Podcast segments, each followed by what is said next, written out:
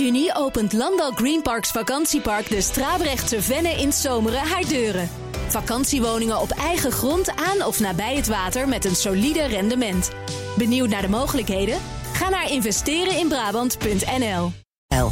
Beleggerspanel. SEC klaagt crypto-dienstverleners Genesis en Gemini Trust aan vanwege het overtreden van effectenregels. En grondstoffenbedrijf Glencore moet zich onder druk van institutionele beleggers verantwoorden voor de kolenactiviteiten. Dat en meer bespreek ik in het beleggerspanel. En daarin zitten Miri Pietersbloem, Head of Investment Office bij Rabobank, bijzonder hoogleraar financiële markten verbonden aan de Erasmus School of Economics. En Marco Groot, consultant van 8 Days Week, partner al daar. En ook bekend van de website marcogroot.com. Welkom, dame en heer. Hey, hallo. Laten we bij de dame beginnen voor de laatste transactie. Mary, wat kun je daarover vertellen? Ja, die was nog uh, vorig jaar, hè, maar goed, we zijn nog niet zo heel ver het nieuwe jaar in. Dat was de uh, tweede week van uh, december hebben we de portfolio geherbalanceerd. Dat doen beleggers om weer terug te veren naar de strategische gewichten die zijn afgesproken. En wij hebben toen aandelen bijgekocht en een klein plukje obligaties verkocht. Want die hadden het goed gedaan toen de rentes weer daalden. En uh, wanneer uh, vindt de volgende herbalancering plaats? Want dit is iets wat je natuurlijk regelmatig moet doen. Nou ja, uh, zodra we tegen de limieten aanlopen... Hè, er staan een paar procent om die strategische gewichten limieten omheen. En als je die raakt, dan moet je dus herbalanceren. Dat weten we natuurlijk niet. voorlopig zitten we nog binnen limieten oh. en hebben een neutrale weging. En, en, en, dit is een hele algemene brede vraag. Hoor. Maar wat verwacht jij um, van 2023? Hè? Je zegt aandelen ja. bijgekocht. Ja. Uh, obligaties verkocht. Ja, nou, we hebben, uh, we hebben nu. Uh, we zijn het jaar ingegaan met een neutrale aandelen en obligatieweging. Er staat wel ietsje meer risico op in de portefeuille. Doordat we voornamelijk een weging hebben naar groeiaandelen en, en aandelen die zeg maar rentegevoelig zijn. Dat komt voornamelijk door onze duurzame thema's. daardoor hebben we het ook ietsje beter gedaan dan de benchmark al tot nu toe. Om in een oplopende markt doe je het met risico ietsje beter. toch hebben we wel, ja, zijn we wel voorzichtig het nieuwe jaar ingegaan. Omdat het natuurlijk nog wel een hele risicovolle omgeving is. Als je om je heen kijkt, de oorlog woedt nog steeds. Uh, we weten niet precies. Nou ja, centrale banken geven wel goede signalen af. Maar we weten niet of ze daar ook op gaan doorpakken. Geven ze nou goede signalen af of zeggen ze: luister eens, financiële markten, jullie zijn iets te voorbarig. Jullie zien het ja, allemaal wel heel erg zonnig in. Nou ja, of zij waren misschien wel heel, heel erg. Uh, hoe zeg je dat? Uh, pessimistisch hè? en, en voorzichtig, denk ik. En leunden ze aan de voorzichtige kant en laten ze dat, die voorzichtigheid nu wat meer los. En denken ze, we hoeven niet misschien heel hard die rente te verhogen. Maar goed, als je dan weer kijkt naar China, waar COVID uh, uh, nou ja, vlijtig voortwoekert, dan, dan liggen daar misschien ook wel wat risico's op de loer voor de economie. Het IMF en ook in Davos worden, worden toch wel stevige uh, waarschuwingen afgegeven op verminderde economische groei. Dus Davos draait om samenwerken. Hè? Ja, ja. We gaan het toch allemaal weer opnieuw proberen uit te vinden. Een gefragmenteerde omgeving. Met name dat, ja. ja. precies. Het IMF waarschuwt inderdaad voor dat deglobaliseren. Ja, klopt. En die fragmentatie die natuurlijk wel, wel, wel ook ziet tussen de mondiale blokken. Ja, dus uh, we, gaan, we gaan het zien. Maar we, voorzichtigheid uh, is denk ik nog wel uh, geboden misschien. Snap jij de terughoudendheid van Miri, Marco? Ja, er zijn te veel variabelen en te veel bewegende delen. En als dat zo is, dan wordt het uh, minder voorspelbaar. En wel haast onvoorspelbaar. Dus als het niet voorspelbaar is, dan kan je alleen maar leunen op waarde, denk ik. Wat uh, is er zowel van zijn plek gekomen in jouw portefeuille? Wat heb jij veranderd? Ja, ik ben heel blij vandaag. Ik heb iets uh, gekocht begin, bijgekocht begin december... wat ik in november vertelde dat ik hier gekocht had... en waren aandelen van Landschot. En ik weet eigenlijk nog niet waarom, maar die zijn knetterhard omhoog vandaag. Uh, de reden waarom ik ze had bijgekocht is omdat banken allemaal te veel geld hebben, toch, Mary? Ja, ja. uh, de, voor de liefhebbers de CET 1 ja. ratio. Ik heb uh, toen ik daarin zat te uh, neuzen in november... ben ik tot de conclusie gekomen dat Van Landschot... de grootste uh, zak geld op de balans heeft staan... waar ze het minst aan hebben en die gaan uitkeren. Die keerde in december 1,50 euro dividend uit. En toen ik nog wat te beleggen had begin december... en ik dacht, ik moet wat bijkopen... Toen heb ik dus wat, wat van die Verlandschat aandelen bijgekocht. En ja, zoals ik zeg, vandaag maken ze een enorme sprong. Dus, uh... Maar je weet nog niet waarom? Nee, ik niet toe. Heb jij het gehoord? Nee, ik heb het ook niet gehoord. Nee, maar ik, ik, ken jou als iemand die de zaken goed uitzoekt. Ja, ja, maar ik moest toch uitzoeken waar we het vandaag over gingen hebben. Dus ik heb daar nog geen tijd gehad. En dingen die goed gaan, moet je gewoon laten gaan. Dingen die fout gaan, daar moet je meer tijd aan besteden. Nou, laten we dan ook recht doen aan de voorbereidingen voor dit panel, Marco. Eh, de SEC heeft crypto-dienstverleners Genesis en Gemini in het vizier. De Amerikaanse beurstoezichthouder beschuldigt eh, hen van het overtreden van effectenregels. Volgens de waakhond hebben de bedrijven onrechtmatig 900 miljoen dollar opgehaald bij honderdduizenden beleggers via het programma Gemini Earn.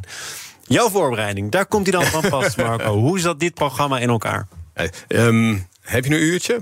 nee, een paar minuutjes, dan zijn we er wel hoor. Gemini is een dochter van Genesis. Genesis is een institutioneel tradingplatform voor crypto-beleggers. Uh, dus voor de institutionele beleggers. En ze hebben een dochter Gemini. En Gemini heeft een project opgezet dat heet Gemini Earn. En daarin konden uh, retailbeleggers, dus de consument, kon zijn uh, muntjes daarin uitlenen aan het institutionele platform. En daar buitengewoon prettige rendementen voor krijgen. Was dat bekend dat die munten werden uitgeleend? Ja. Dat die rendementen zo tot stand werden gebracht? Ja, dus die, die rendementen waren 8 tot 10 procent. Tussen neus en lippen door wordt verteld dat, uh, dat Gemini daar zelf 4 tot 5 procent aan verdiende. dus eigenlijk je slapende geld, je slapende muntjes kon je uitlenen en daardoor uh, extra rendement maken. Voor de kennis, uh, voor, voor, voor de mensen die voelt een beetje als iSafe en Dick Schering gaat bank als je hier. Ja, maar daar hoef je geen kenner voor te zijn om te weten dat het niet goed afliep. Precies, ja. maar had je dan als, als, als consument of belegger kunnen weten, er worden hier mijn rendementen voorgespiegeld, 8%, 10%. Ja. Dan loop ik een bepaald risico meer of is dat te makkelijk? Nou, de, de, SEC beschuldigt deze partijen er wel van dat de risico's onvoldoende zijn uh, uitgelegd. Ik denk dat wat een belangrijk element is in dit verhaal, is dat de SEC de aanklacht baseert op het feit dat niet geregistreerde effecten zijn aangeboden. Dus het gaat hier niet zozeer om crypto-regelgeving per se. Maar het wordt dus gevangen onder uh, regelgeving die al veel eerder bestond. En dus kennelijk dat uh, beleggingen in crypto's niet geregistreerde uh, effecten zijn. En, en daarop worden deze partijen nu dus zeg maar gepakt. En het komt nu naar buiten, terwijl ja. ook duidelijk wordt dat de SEC hier, ik geloof al anderhalf jaar mee bezig is. Ja. Is dit dan het gevolg van het feit dat het allemaal in elkaar dondert? Dat zou zo kunnen zijn, dat ze daar zeg maar de druk van, van ondervinden. Nou, de SEC is wel een partij eh, waarvan we weten dat hij eh, zeg maar heel goed zijn huiswerk doet. En pas acteert als ze zich op eh, zekere grond bevinden. Het is overigens niet de eerste keer hè, uh, dat een crypto-uitleenprogramma door de SEC uh, is, is gekraakt. vorig jaar was er al een schikking van 100 miljoen dollar van het inmiddels failliete crypto-uitlener BlockFi. Dus er zijn. De, de, ja, Coinbase is, zeg maar, ook ja. al bestraft. Precies. Loopt dus, het over het algemeen ook niet goed meer af hè, als de nee, SEC helemaal bezig is? Nee, nee, nee. Ze, ze winnen wel vaak hun cases, ja, zeg maar. Ja. Ah, dit is natuurlijk de moeder aller vragen. Maar had dit allemaal voorkomen kunnen worden, Marco? Ja, dat, is een hele ingewikkelde vraag, omdat die crypto-wereld, en ik heb me daar best goed in verdiept, die bewoog vooral buiten de conventionele economie. Dus ook buiten conventionele uh, bedrijfsstructuren en uh, rechtshandelingen. En dus had er eerder ingegrepen kunnen worden. Ja, de SEC heeft, ik heb het gisteren even opgezocht, anderhalf jaar geleden aan alle beleggers in crypto gezegd en alle mensen die uh, in dit soort programma's meededen, uh, in dit on-chain en off-chain staking, en die hebben letterlijk een waarschuwing uitgestuurd en, en daarin werd gezegd: you should not expect the same level of security, safety and soundness in these crypto assets interest-bearing accounts that you have with a bank or a credit union deposit. Maar de, de vraag is natuurlijk hoeveel crypto-beleggers trekken zich hier iets van aan als die markt alleen maar als een raket omhoog gaat. Dan is iedereen altijd heel erg goed in het negeren van risico's en het alleen maar zien van de kansen. Of speelt hier nu ook dat die samenwerkingspartners in dit hele programma niet goed van elkaar wisten wat ze aan elkaar zouden hebben? Die gebroeders Winklevoss, ja. bekende gebroeders inmiddels, ja. oprichters van Gemini, die wijzen nu ook met een beschuldigende vinger naar Genesis en het moederbedrijf van Genesis. Het is toch allemaal aanzienlijk minder stabiel dan wij dachten, dan het mm -hmm. aan ons is gepresenteerd. Ja. ja, er zijn dus ook zakenpartners die met elkaar in de clinch liggen inmiddels. Ja, uiteindelijk wijst hier iedereen naar iedereen. Hè. Als, je, als je erin verdiept, dan zie je dat iedereen wel een probleem met iemand anders heeft. En um, Ik heb een stukje geschreven op mijn website en verwezen naar een interview met de oprichter van Three Arrows Capital. Dat, dat noemt zichzelf een hedge fund, maar dat was een, gewoon een, een, een, een proptrader in crypto. Die hebben 2,6 miljard aan schuld achtergelaten. Dus het is niet alleen FTX, het is ook een Three Arrows Capital. En zo bestaan er nog heel veel meer partijen. En dat zorgt ervoor dat in die hele keten niet één domino-steentje genaamd FTX de, de, eh, deze beweging in gang heeft gezet. Maar dat er onderweg heel veel van dit soort partijen zijn, groot en klein. Maar de, de honderden miljoenen vliegen je om de oren hier. Zie je ook verschrikt kijken bij al deze bedragen? Dat is natuurlijk, want waarom hebben we het hier over? We hebben het hier natuurlijk over omdat het in Nederland inmiddels ook uh, dit, deze, een domino-steen zit. En dat is Bitfavo. En die heeft weer 200 280 miljoen uitstaan mhm. aan, uh, aan die partij uh, Gemini of Genesis. Ik weet niet precies welk van de twee. DCG. ja, oh, DCG. Dat is de het moederbedrijf van, uh, van deze partijen. En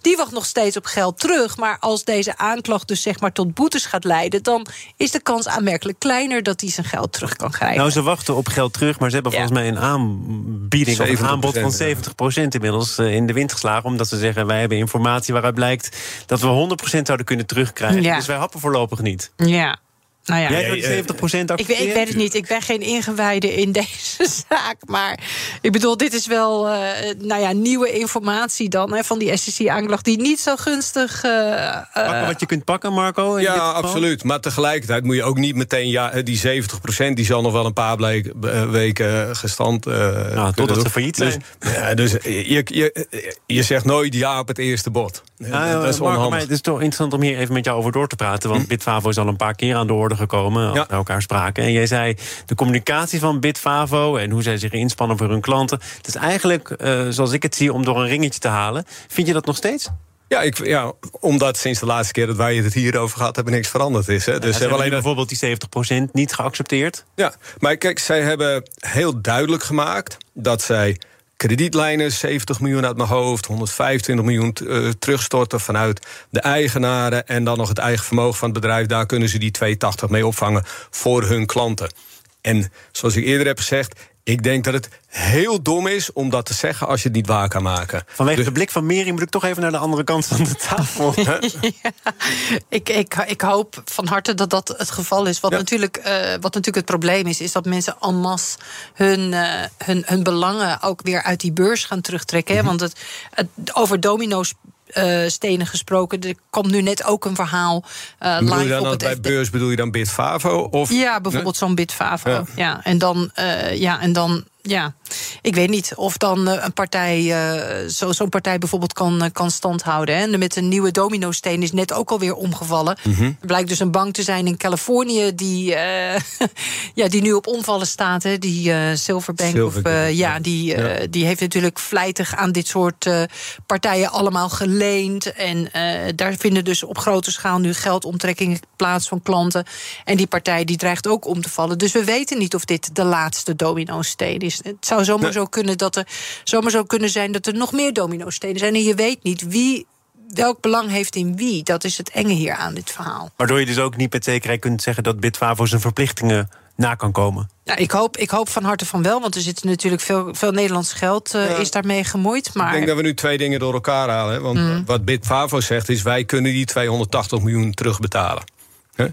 En nogmaals, dat zeg je volgens mij alleen als je het kan doen. Als je het niet ja. kan doen, is het einde Bitfavo. Dus ik ga ervan uit, het is een aanname, een mening, dat ze het kunnen doen. Want anders zou het heel dom zijn als ze het niet kunnen doen.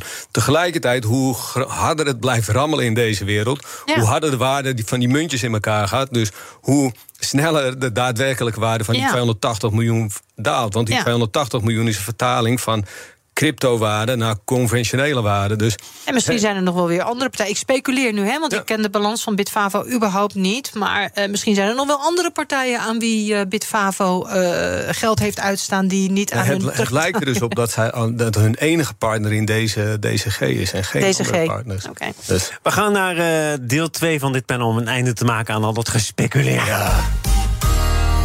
BNR Nieuwsradio. Zaken doen. Thomas van Zeil. De gast in het beleggerspanel zijn Miri Pieterse-Bloem en Marco Groot. Het Zwitserse grondstoffenbedrijf Glencore moet zich onder druk van een aantal institutionele beleggers beter gaan verantwoorden voor zijn kolenactiviteiten. Glencore verkoopt, vervoert en delft kolen op grote schaal. En dat rijmt niet helemaal met de doelstelling om vanaf 2050 klimaatneutraal te zijn. En Miri, het zijn eh, die institutionele beleggers, maar die zijn samen nu eh, onderdeel van een kolencoalitie die bij elkaar gebracht is door NGO's, meen ik hè? Ja, inderdaad. En uh, in die uh, coalitie zitten een paar grote partijen. Legal and General uh, bijvoorbeeld, HSBC, dat zijn partijen vanuit de UK. Nou, die hebben samen een behoorlijk, behoorlijk belang. Er zitten natuurlijk nog meer partijen die zich daarin hebben verenigd. En die spreken nu dit Zwitserse grondstoffenbedrijf erop aan van ja, hoe ga je in godsnaam klimaatneutraal zijn als je nog op zo'n grote schaal kolen uh, uit de grond uh, trekt. En, nou, hebben ze zelf iets over gezegd. Hè? Ze willen ja. volgens mij 12 van de 21 kolenmijnen sluiten. En tegelijkertijd hebben ze daar toch ook weer het een en ander in aangepast. Nu die kolen tamelijk lucratief blijken te zijn. Ja. Dus ze zeggen het een en ze doen het ander. Dat is eigenlijk kort gezegd het verwijt.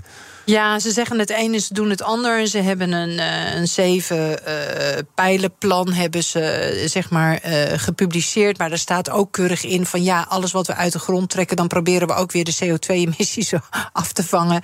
Uh, en, en dat soort uh, trucken worden uit de doos gehaald om dan uh, klimaatneutraal te zijn. Ik, ik vind het wel goed dat investeerders erop aanspreken van ja, weet je, wat is de, de realiteitszin in je plan? Eigenlijk. Maar spreken ze dit bedrijf erop aan en komt er zo meteen in mei op de aandeelhoudersvergadering een, een mooi verhaal waar ze zich misschien van laten overtuigen? Of ja. hoort hij dan ook bij op het moment dat je niet doet wat wij voorstellen, of wat je zelf stiekem hebt voorgesteld, maar waar je niet naar handelt, trekken wij ons terug? Uh, dat, dat, zou, dat zou een onderdeel van een actie kunnen zijn. Uh, kijk, uh, wat mij betreft is dit gewoon het startschot van een hele lange dialoog.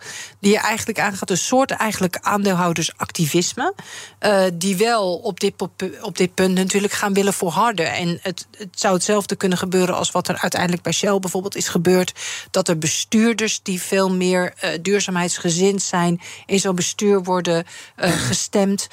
ik denk niet dat dat bij deze komende aandeelhoudersvergadering aan het orde is. Maar dat zou zomaar bijvoorbeeld in de toekomst een, een, een, bepaalde actie kunnen zijn. Er zitten ook een paar Nederlandse beleggers in Glencore. De een wat groter dan de ander. En, en Egon en het jou wel bekende Marco van Landschot. Mm -hmm. Dat heeft gezegd, wij zijn geen onderdeel van deze coalitie. Hoeft dat ons betreft ook niet. Want wij sturen liever bij door aan tafel te blijven zitten. Dit is ook al een eeuwenoude discussie inmiddels. Of niet eeuwenoud, maar het speelt al wel een paar jaar. Hè. Wat doe je nu precies? Hoe activistisch stel je je op. Um, waar gaat jouw voorkeur naar uit? Uh, om erin te blijven. Ja, dat snap ik. Je heel, van Landschot. nee, nee, nee, nee. nee. Um, uh, hou me te goede. Ik ben, ik, weet je, uh, voor mij kan het niet groen genoeg zijn. Um, Eén stapje terug.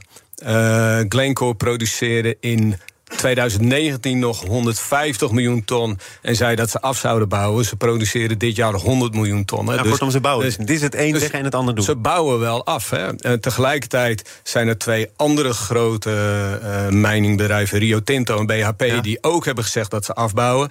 En de een heeft alles al verkocht voor een appel en een ei aan private equity en Indonesië. En Indonesië zegt: sorry, we blijven gewoon lekker doorproduceren en exporteren alles wat we kunnen produceren naar China. Um, en uh, uh, de ander, ja, die probeert het te verkopen, maar daar is geen koper voor. Dus terug naar jouw vraag: je kan beter aan tafel blijven zitten en erin zitten, zodat je in ieder geval nog invloed hebt op de manier waarop het gebeurt, dan je terug te trekken en dan aan een ander over te laten. En als het dan bij een, bijvoorbeeld een Indonesisch uh, uh, mijnbouwbedrijf terechtkomt, wat dan zeggen, joh, we, we, doen lekker waar we zin in hebben, of een private equity bedrijf die het melkt voor de cash, ja, dan, ben je de, dan is de wereld slechter af, denk ik. Miri? Ja, wij, wij, hebben hier een andere keuze uh, in gemaakt. Wij hebben sinds dit jaar uitsluiting op kolen eigenlijk verder aangescherpt. Dus vanaf dit jaar zijn alle bedrijven uitgesloten die meer dan 5% van de omzet behalen uit het delven of energie energieopwekking van kolen. Dus daar zal Glencore zeker onder vallen. Dat gaat natuurlijk met name over onze beheerportefeuille. Ehm, ja, het is een beetje dezelfde discussie als met tabaksindustrie. Hè. Kijk, als het product alleen al zo vervuilend is, wat kun je daar omheen dan nog doen om het toch een duurzame belegging te laten zijn? Dat vind ik in, in dit geval van kolen, wat gewoon over pure ja, CO2-uitstoot gaat, wel een, een hele moeilijke om dat onder een, uh, een engagement uh, hoofdstuk dan te kunnen laten vallen. We gaan uh, naar een ander hoofdstuk in die energietransitie. Heel kort nog even. De oprichters van Fastnet en de investeringsmaatschappij Breza van de familie Lubbers. En een van die Lubbers is ook oprichter van Fastnet. Hebben besloten een deel van hun aandelen in het elektrische laadbedrijf te verzilveren. Elk van hen zal in kleine plukjes maximaal 380.000 aandelen verkopen. In totaal wordt daarmee zo'n 52 miljoen euro gecashed. En uh, mijn oog viel erop, omdat deze aankondiging een feit was. En toen, vloep, ging er toch een behoorlijk deel van de koers af. Uh, hoe wordt dit door beleggers gepercipieerd? Ja, daar zal iedereen een andere mening. De, de een zegt prima, want ze doen het om hun uh, portefeuille te diversificeren en wat belasting te kunnen betalen. Hartstikke goed. Die motivatie, die snap ik. Uh, ze zullen het zeker niet doen voor de koers, want die koers heeft ooit 100 euro gestaan en staat nu rond de, de vier tientjes. Dus als ze hadden willen profiteren, hadden ze het op een andere Hadden ze dat eerder moeten doen, inderdaad. En dat die koers in elkaar gaat op het moment dat, uh, dat 6% van aandelen naar de beurs gaan, ja, dat is, dat is alleen maar logisch. Het is niet zo dat hieruit kan worden opgemaakt... oh, het uh, rotsvaste vertrouwen van de oprichters... En nu nog altijd CEO en president-commissaris... dat laat de wensen over, dus verkopen ze een deel van hun belang. Nee, ik denk het niet. Kijk, het, het, is natuurlijk een bedrijf wat hele vreemde cijfers uh, presenteert. De, de beurswaarde is 800 miljoen. En die was ooit 2 miljard. En de omzet is deze, dit kwartaal van 10 naar 13 miljoen gestegen. Zijn niet heel goed vergelijkbare getallen. En de bezettingsgraad van de laadstations die is net boven de 10 Dus het, het zijn niet. Uh, het komt allemaal nog maar. Getallen, ja, precies. Het verhaal van Fastnet. We leiden nu nog groot verlies. Het verlies is vaak ook groter dan de omzet. Ja. Maar de belofte die mag er zijn. Ja, en als je in hun jaarverslag leest, dan zie je ook dat hun top 5 stations, hè, die draaien 7,5 ton omzet per stuk. En die maken 38% return op het geïnvesteerde kapitaal. Dus dat zijn fantastische bedragen. Maar ze hebben, dat zijn de top 5 stations. Ze hebben er 359 volgens mij. Um, dus die andere stations die doen blijkbaar nog bijna helemaal niks. Dus die energietransitie die moet heel erg uh, heel erg versnellen om dit soort waarderingen waar te maken. Is toch wel inderdaad, als je puur naar de cijfers kijkt, een merkwaardig bedrijf? Nou ja, we, we, kennen er vele van. Hè? Uh, vaak uh, dit soort uh, zeg maar, bedrijven die op de, heel erg op de toekomst gericht zijn. Tesla was ook heel lang eigenlijk een voorbeeld in, in een wat, wat verder verleden. dat, daar zie je zo'n zeg maar zo'n zo'n hockeystick profiel. Waarbij hè, de voet van de hockeystick een lange tijd onder de nullijn staat. En dan ineens komt het heel sterk omhoog als, het, nou ja, als de toekomst zich zich, zich waarmaakt. En dat is hier een beetje het geloof wat je als eh, belegger uh, in, in moet nou, hebben. Je hebt een beetje de wet mee misschien toch, als je kijkt naar wat er in Europa allemaal is afgesproken. Als je de pleidooien hoort voor een betere laadinfrastructuur, dan kan het toch bijna niet anders dan dat een bedrijf als vast ja. daarvan gaat profiteren. Ja, dat klopt. Uh, in die zin hebben ze natuurlijk wel de wind mee, waar ze, ze hebben wel de beurswind wat tegen. Uh, omdat natuurlijk dit soort bedrijven met name vorig jaar heel, heel erg in de waardering zijn afgestraft. Nog wel 75 miljoen euro opgehaald. Volgens mij nog in oktober van 2022. Ja, ja. Dat, hebben ze wel gered. Ja, kijk, en de, uiteindelijk de waarde van dit bedrijf wordt bepaald door de som van het, uh, van het aandelenvermogen en het vreemdvermogen. En het aandelenvermogen hebben zij geen enkele invloed op. Hè. Dat, is, dat is wat uh, en laat is op de beurs. En die zorgen ervoor dat er 800 miljoen staat. Mary Pietersen-Bloem was hier, Head of Investment Office bij Rabobank... bijzonder hoogleraar Financiële Markten... verbonden aan de Erasmus School of Economics. En Marco Groot, partner bij 8 Days a Week. En hou ook die website in de gaten, marcogroot.com. Dank voor jullie komst. Ja, Dankjewel. Het beleggerspanel wordt mede mogelijk gemaakt door Annexum. Al meer dan 20 jaar de aanbieder van vastgoedfondsen. Zometeen de laatste ontwikkelingen in de oorlog in Oekraïne... met BNR buitenlandcommentator Bernard Hammelburg. 1 juni opent Landal Greenparks vakantiepark de Strabrechtse Venne in Zomeren haar deuren. Vakantiewoningen op eigen grond aan of nabij het water met een solide rendement. Benieuwd naar de mogelijkheden? Ga naar investereninbrabant.nl.